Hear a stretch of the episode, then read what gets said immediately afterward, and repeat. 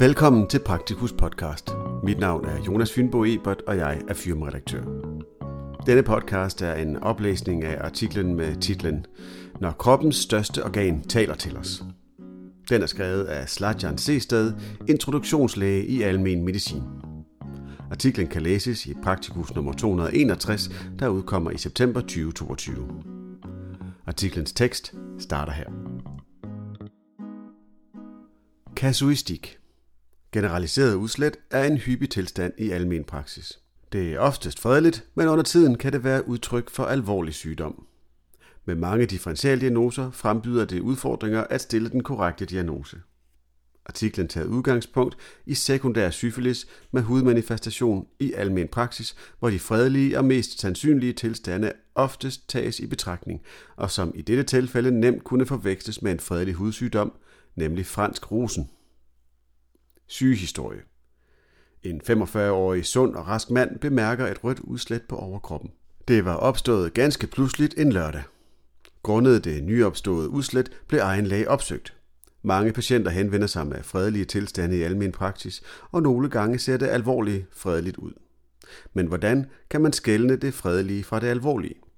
I konsultationen blev anamnesen suppleret med, at hududslettet ikke var kløende eller foregået af et eller flere større skældende elementer i ugerne op til. Patienten havde ingen rejseanamnese, feber, ledsmerter, medicinindtag eller stofmisbrug. I en sidebemærkning nævnes, at patienten dagen forud var testet negativ for HIV på Rigshospitalet. Adspurgt til seksualitet og seksuel aktivitet angav patienten at dyrke ubeskyttet samleje med både mænd og kvinder.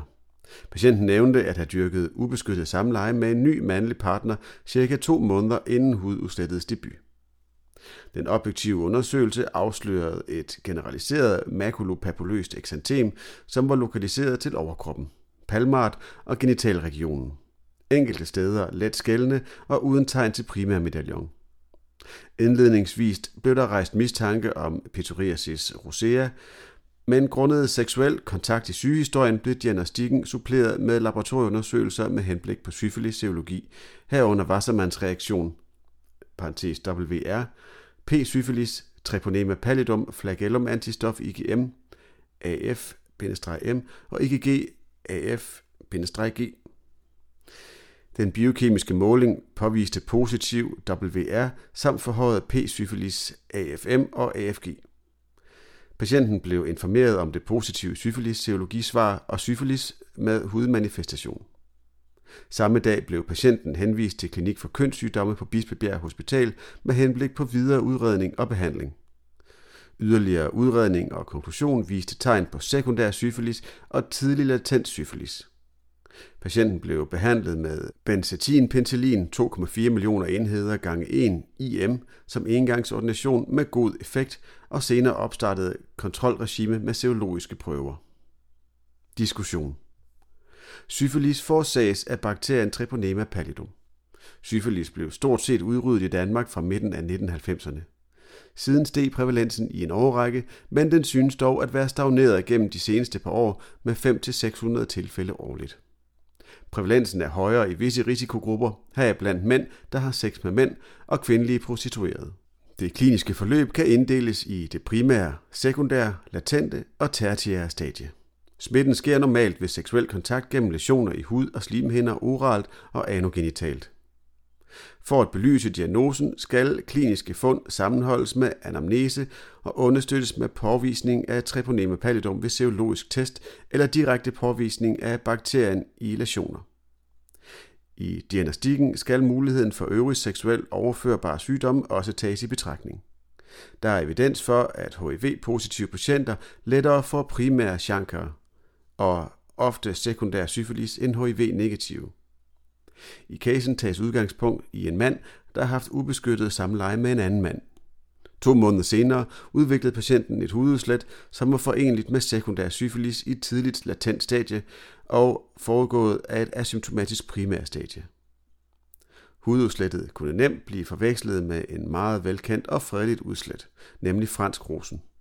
En uopdaget sekundær syfilis vil være med øget risiko for udvikling af det tertiære og sent latente stadie af syfilis. Denne grad er naturligvis mindre udbredt, men den er mere alvorlig og med risiko for udvikling af neurosyfilis og kardiovaskulær syfilis.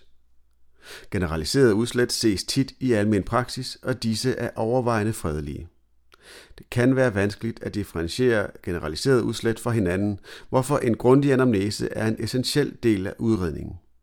Denne case er en kollegial påmindelse om også at tænke det usandsynlige ind i det mest sandsynlige i en hverdag, hvor tendensen er at tænke heste og ikke zebraer, når hovslagene høres uden for vinduet.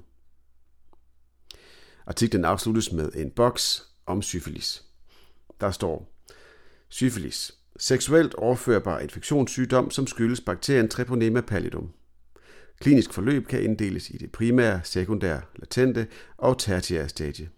Patienten skal henvises til specialafdeling med henblik på behandling og efterfølgende kontrol. Anmeldelsespligtigt. Og så er der hovedbudskaber. I det mest sandsynlige skal det sjældne usandsynlige også tænkes ind. Det er vigtigt at øge fokus på diagnostik og behandling af sjældnere tilstande i almen praksis. Artiklens tekst slutter her. Artiklen kan læses i Praktikus nummer 261, der udkommer i september 2022.